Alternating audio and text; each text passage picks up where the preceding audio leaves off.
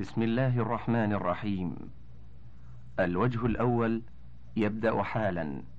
الوجه الأول يبدأ حالا. عنوان الكتاب المغني لابن قدامة وهذا هو الشريط الأول منه. يقرأ الكتاب عليكم أحمد عزت. ترجمة الشيخ الموفق مؤلف المغني. جمع لنا هذه الترجمة فقيه الحنابلة في ديار الشام صديقنا الأستاذ الشيخ عبد القادر بدران. هو عبد الله بن أحمد بن محمد بن قدامة بن مقدام بن نصر بن عبد الله المقدسي ثم الدمشقي الصالحي. الفقيه الزاهد الإمام شيخ الإسلام وأحد الأعلام. موفق الدين أبو محمد. ولد في شعبان سنة إحدى وأربعين وخمسمائة بجماعيل وقدم دمشق مع أهله وله عشر سنين. فقرأ القرآن وحفظ مختصر الخرقي واشتغل وسمع من والده وأبي المكارم بن هلال وأبي المعالي بن صابر وغيرهما. ورحل إلى بغداد هو وابن خالته الحافظ عبد الغني سنة إحدى وستين وخمسمائة. وسمع الكثير من هبة الله الدقاق وابن البطي وسعد الله الدجاجي والشيخ عبد القادر الجيلاني وابن تاج القراء وابن شافع وأبي زرعة ويحيى بن ثابت وخلق كثير. وسمع بمكة من المبارك بن الطباخ مدة يسيرة فقرأ عليه متن الخرقي ثم توفي الشيخ ولازم أبا الفتح بن المني وقرأ عليه المذهب والخلاف والأصول حتى برع. وأقام ببغداد نحوا من أربع سنين هكذا ذكره الحافظ ضياء الدين المقدسي. ثم رجع إلى دمشق ثم عاد إلى بغداد سنة سبع وستين كما قال صبت بن الجوزي.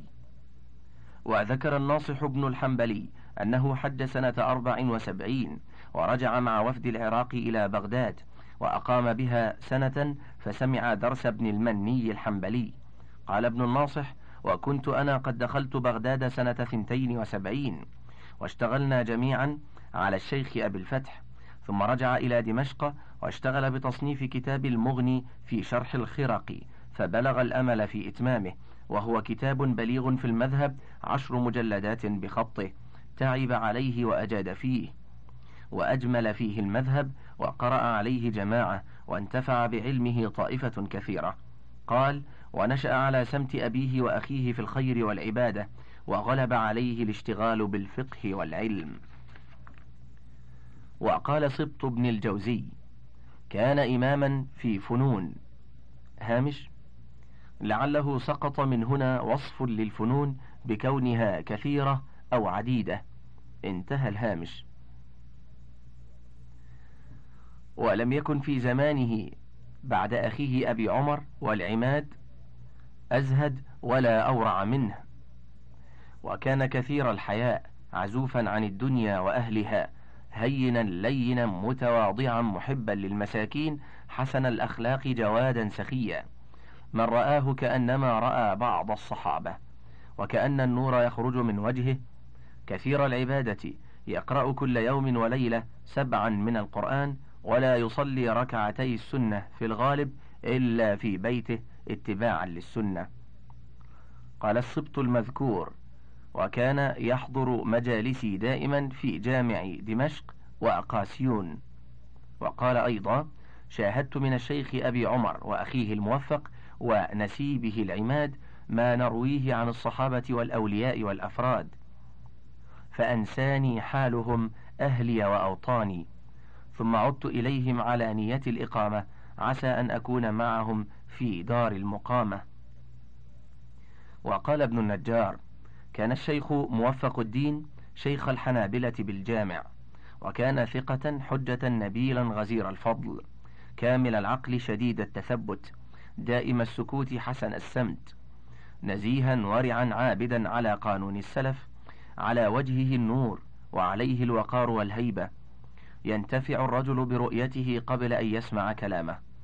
صنف التصانيف المليحة في المذهب والخلاف وقصده التلامذة والأصحاب وسار اسمه في البلاد واشتهر ذكره وكان حسن المعرفة بالحديث وله يد في العربية. وقال الحافظ عمر بن الحاجب في معجمه هو إمام الأئمة ومفتي الأمة خصه الله بالفضل الوافر والخاطر العاطر والعلم الكامل طنت بذكره الأمصار وضنت بمثله الأعصار. قد أخذ بمجامع الحقائق النقلية والعقلية.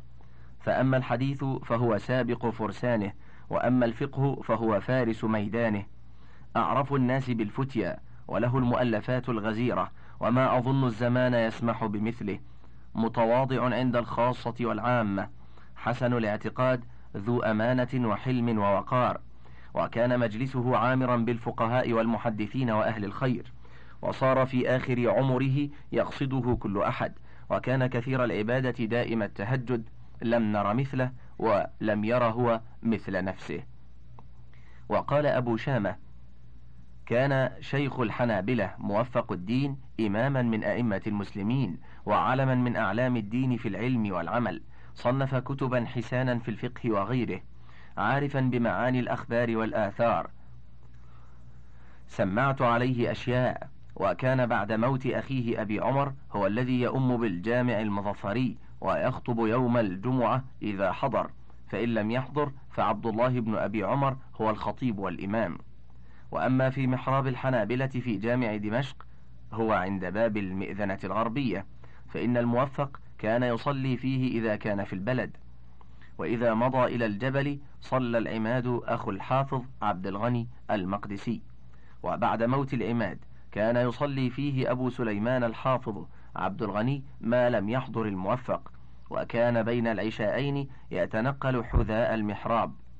وجاء مرة الملك العزيز بن الملك العادل هو صاحب المدرسة العزيزية يزوره فصادفه يصلي. فجلس بالقرب منه إلى أن فرغ من صلاته ثم اجتمع به ولم يتجوز في صلاته. وكان إذا فرغ من صلاة العشاء الآخرة يمضي إلى بيته بالصيف ومعه من فقراء الحنابلة. من قدره الله تعالى فيقدم لهم ما تيسر يأكلونه معه. ومن أظرف ما حكي عنه أنه كان يجعل في عمامته ورقة مصرورة فيها رمل يرمل به ما يكتبه للناس من الفتاوى والإجازات وغيرها. فاتفق أن خطفت عمامته ليلة من الليالي. فقال لخاطفها يا أخي خذ من العمامة الورقة المصرورة بما فيها ورد العمامة وغطي بها رأسي وأنت في أوسع الحال مما في الورقة. فظن الخاطف أنها فضة ورآها ثقيلة فأخذها ورد العمامة وكانت صغيرة عتيقة فرأى أخذ الورقة خيرا منها بدرجات فخلص الشيخ عمامته بهذا الوجه اللطيف. وبلغني من غير وجه عن الإمام أبي العباس أحمد بن تيمية رحمه الله أنه قال ما دخل الشام بعد الأوزاعي أفقه من الشيخ الموفق رحمه الله. وقد أفرد الحافظ ضياء الدين المقدسي سيرة الشيخ في جزئين وكذلك أفردها الحافظ الذهبي. قال الضياء كان رحمه الله إماما في القرآن وتفسيره إماما في علم الحديث ومشكلاته إماما في الفقه أوحد زمانه فيه. إماما في علم الخلاف أوحد زمانه في الفرائض إماما في أصول الفقه إماما في النحو إماما في الحساب إماما في النجوم السيارة والمنازل. قال ولما قدم بغداد قال له الشيخ أبو الفتح بن المني اسكن هنا فإن بغداد مفتقرة إليك فأنت تخرج من بغداد ولا تخلف فيها مثلك. قال وكان شيخنا العماد يعظم الشيخ الموفق تعظيما كثيرا ويدعو له ويقعد بين يديه كما يقعد المتعلم من العالم. وسمعت الإمام المفتي شيخنا أبا بكر محمد بن معالي ابن غنيمة ببغداد يقول ما, ما أعرف أحدا في زماننا أدرك درجة الاجتهاد إلا الموفق. وسمعت أبا عمرو ابن الصلاح المفتي يقول ما رأيت مثل الشيخ الموفق.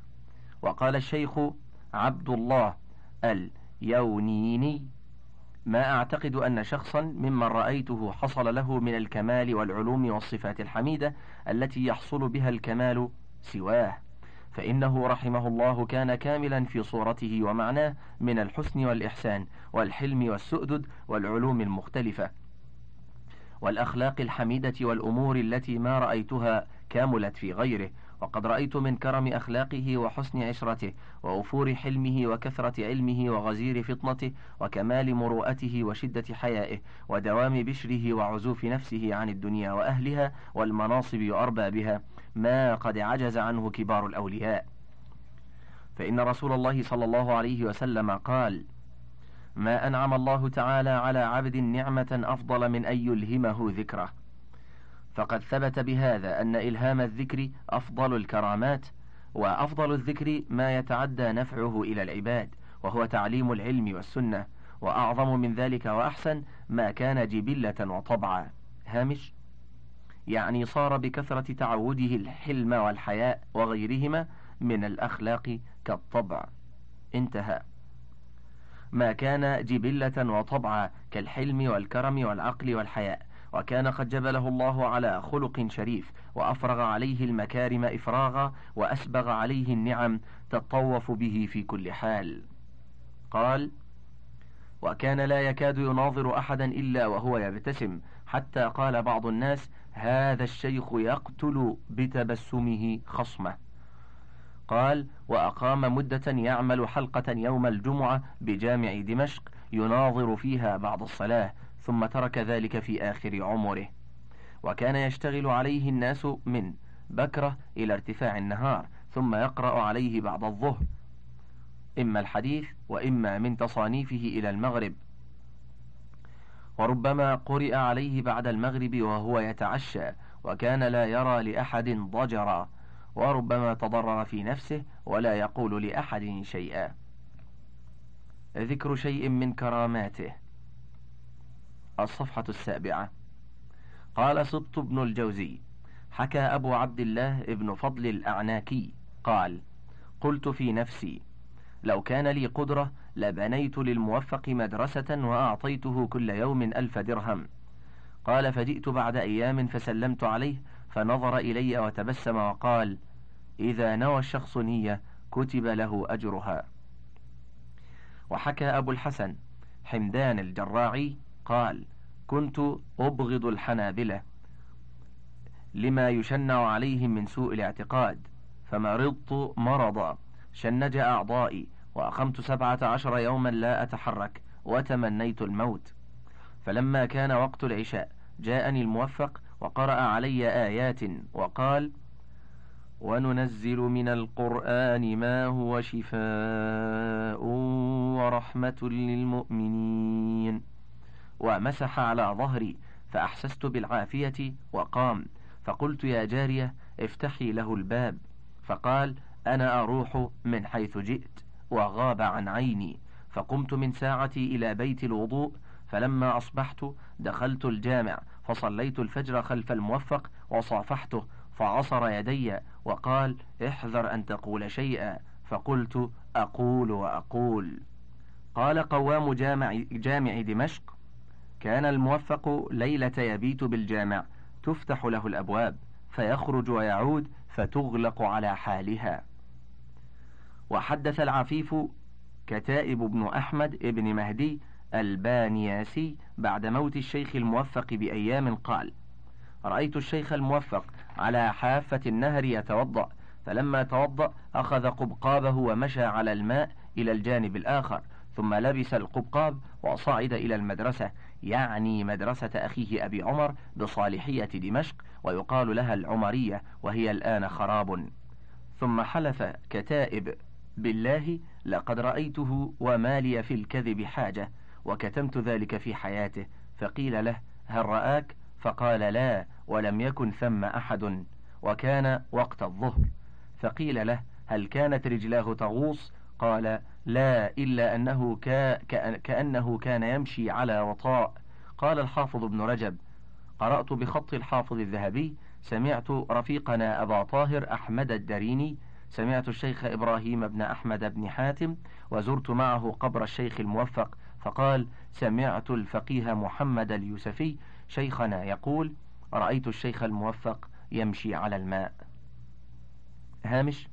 ورد في كتبنا أن عيسى عليه السلام مشى على الماء وكذا بعض الصالحين وإذا كان هذا مخالفا لسنة الله تعالى في الأجسام فليس مخالفا لسنته في الأرواح.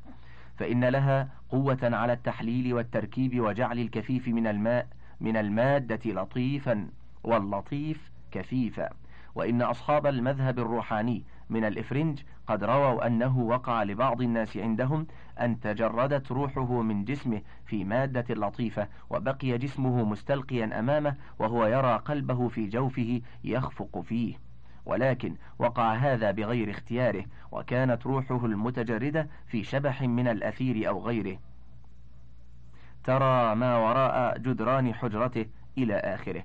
فعلى هذا لا يستغرب من أصحاب الأرواح العالية ولا سيما عيسى المخلوق من روح الله أن تصل إلى درجة القدرة على التجرد والتمثيل كما تتمثل الملائكة ومن فروع هذه النظرية النفوذ من الكثائف كما ينفذ الأثير والمشي على الماء والطيران في الهواء وما يسمونه على الأرض أي قطع المسافات الطويلة في المدة القليلة.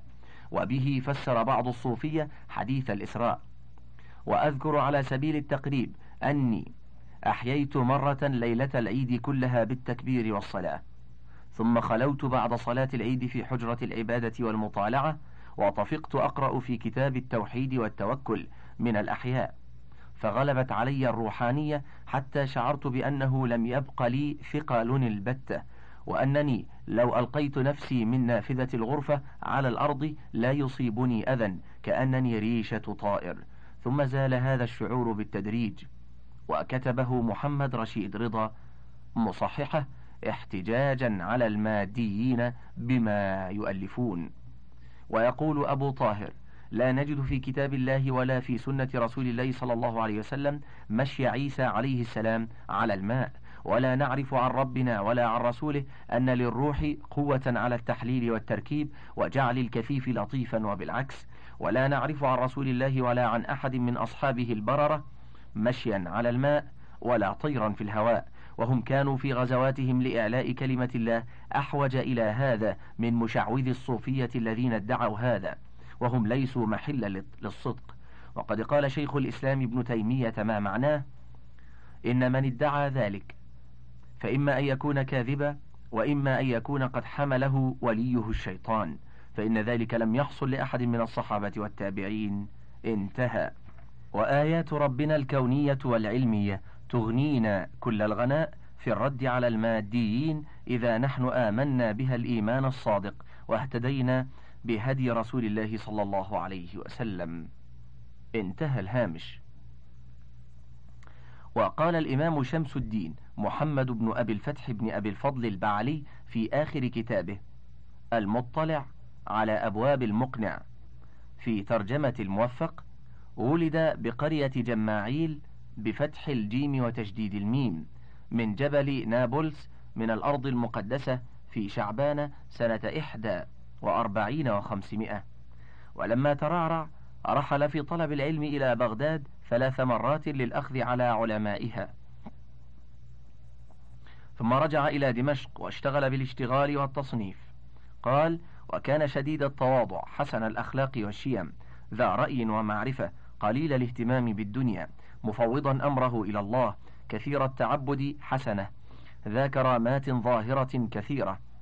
فلذلك نفع الله الخلق به في حياته واتصل النفع بعد موته بتصانيفه بحيث لا يكاد يستغني عنها أحد من أهل مذهبه ثم قال توفي بدمشق ودفن بجبل قاسيون تحت المغارة المعروفة بمغارة التوبة. انتهى ملخصا.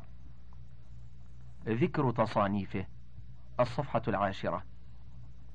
قال الحافظ ابن رجب في طبقات الحنابلة له التصانيف الكثيرة الحسنة في المذهب فروعا وأصولا وفي الحديث واللغة والزهد والرقائق وتصانيف في أصول الدين في غاية الحسن أكثرها على طريقة المحدثين مشحونة بالأحاديث والآثار بالأسانيد كما هي طريقة الإمام أحمد وأئمة الحديث.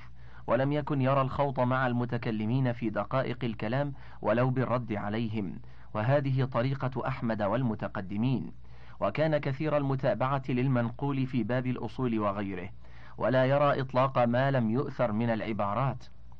ويأمر بالإقرار والإمرار لما جاء في الكتاب والسنة من الصفات من غير تغيير ولا تكييف ولا تمثيل ولا تحريف ولا تأويل ولا تعطيل. فمن تصانيفه في أصول الدين واحد البرهان في مسألة القرآن جزء. اثنان جواب مسألة وردت من صرخد في القرآن جزء. الاعتقاد جزء مسألة العلو جزءان ذم التأويل جزء كتاب القدر جزءان كتاب فضائل الصحابة جزءان وأظنه منهاج القاصدين في فضائل الخلفاء الراشدين. رسالة إلى الشيخ فخر الدين ابن تيمية في تخليد أهل البدع في النار. مسألة في تحريم النظر في كتب أهل الكلام. ومن تصانيفه في الحديث. رقم عشرة. مختصر العلل للخلال مجلد ضخم.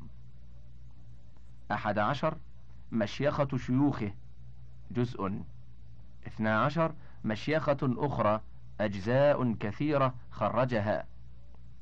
ومن تصانيفه في الفقه. ثالث عشر. المغني عشر مجلدات بخطه. رابع عشر الكافي أربع مجلدات. خامس عشر المقنع مجلد. سادس عشر مختصر الهداية لأبي الخطاب مجلد. سابع عشر العمدة مجلد صغير. ثامن عشر مناسك الحج جزء. تاسع عشر ذم الوسواس جزء. وله فتاوى ومسائل منثورة ورسائل شتى كثيرة. وله في أصول الفقه عشرون روضة الناظر وجنة المناظر. وله في اللغة والأنساب ونحو ذلك. إحدى وعشرون قنعة الأريب في الغريب مجلد صغير. اثنان وعشرون التبيين في نسب القرشيين. مجلد. ثلاثة وعشرون الاستبصار في نسب الأنصار. مجلد. وله في الفضائل والزهد والرقائق ونحو ذلك. أربعة وعشرون كتاب التوابين جزءان خمسة وعشرون كتاب المتحابين في الله جزءان ستة وعشرون كتاب الرقة والبكاء جزءان سبعة وعشرون فضائل عاشوراء جزء.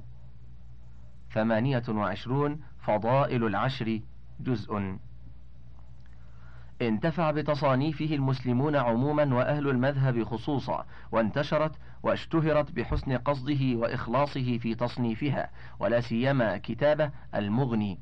فإنه عظم به النفع وكثر الثناء به عليه. قال الحافظ الضياء رأيت الإمام أحمد بن حنبل في النوم وألقى علي مسألة في الفقه فقلت هذه في الخرقي فقال ما قصر صاحبكم الموفق في شرح الخرقي قال ابن رجب قرأت بخط الحافظ الذهبي. قال سمعت الشيخ علاء الدين المقدسي قلت وقد أجاز لي المقدسي هذا. قال سمعت شيخنا أبا العباس أحمد بن, أحمد بن تيمية قال الذهبي وأظنني سمعت ذلك من شيخنا أبي العباس ابن تيمية يقول قال لي الشيخ تاج الدين عبد الرحمن بن إبراهيم الفزاري كان الشيخ عز الدين ابن عبد السلام شيخنا يرسلني أستعير له المحلى والمجلى كتابان لابن حزم في مذهب الظاهرية أحدهما متن والآخر شرح. من ابن العربي. وقال قال الشيخ عز الدين ما رأيت في كتب الإسلام في العلم مثل المحلى والمجلى وكتاب المغني للشيخ موفق الدين بن قدامة في جودتهما وتحقيق ما فيهما. ونقل عن ابن عبد السلام أيضا أنه قال لم تطب نفسي بالفتية حتى صارت نسخة من المغني عندي قال ابن رجب مع أنه يسامي الشيخ في زمانه. هامش أقول بل وصل الشيخ عز الدين إلى درجة من الشهرة لم يصل إليها الشيخ الموفق فصار يلقب بسلطان العلماء وانتهت إليه الرياسة في مصر بلا نزاع من العلماء ولا من السلاطين والحكماء واعترف له العلماء بالاجتهاد المطلق. انتهى الهامش. قال ابن رجب مع أنه يسامي الشيخ في زمانه انتهى. فانظر إلى الإنصاف. وقال العلامة الأديب الشيخ يحيى بن يوسف الصرصري الحنبلي من قصيدة طويلة يثني بها على الله عز وجل ويمدح النبي صلى الله عليه وسلم والصحابة رضي الله عنهم ويذكر جماعة من التابعين وتابعيهم ويذكر الإمام أحمد رضي الله عنه وجماعة من أصحابه. وفي عصرنا كان الموفق حجة. على فقهه الثبت الأصول معولي. كفى الخلق بالكافي واقنع طالبا بمقنع فقه عن كتاب مطول وأغني بمغني الفقه من كان باحثا وعمدته من يعتمدها يحصلي وروضته ذات الأصول كروضة أماست بها الأزهار أنفاس شمأل تدل على المنطوق أقوى دلالة وتحمل في المفهوم أحسن محمل وللشيخ موفق الدين نظم كثير حسن وقيل إن له قصيدة في عويص اللغة طويلة وله مقطعات من الشعر منها قوله أتغفل يا ابن أحمد والمنايا شوارع يخترمنك عن قريب أغرك أن تخطتك الرزايا فكم للموت من سهم مصيب. كؤوس الموت دائرة علينا وما للمرء بد من نصيب.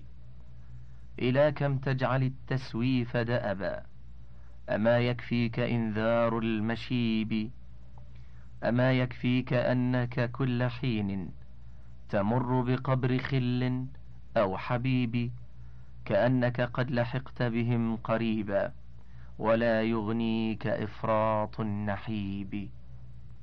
وله أيضا أبعد بياض الشعر أعمر مسكنا سوى القبر إني إن فعلت لأحمق. يخبرني شيبي بأني ميت وشيكا وينعاني إلي فيصدق. تخرق عمري كل يوم وليلة فهل مستطيع رفو ما يتخرق؟ كأني بجسمي فوق نعشي ممددا فمن ساكن أو معول يتحرق. إذا سئلوا عني أجابوا وأعولوا وأدمعهم تنهل هذا الموفق.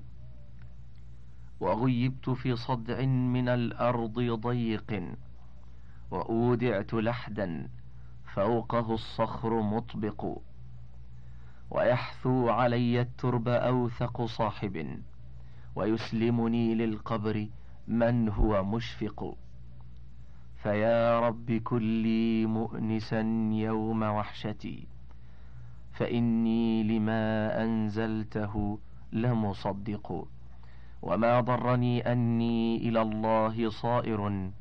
ومن هو من أهلي أبر وأرفق. انتهى الوجه الأول.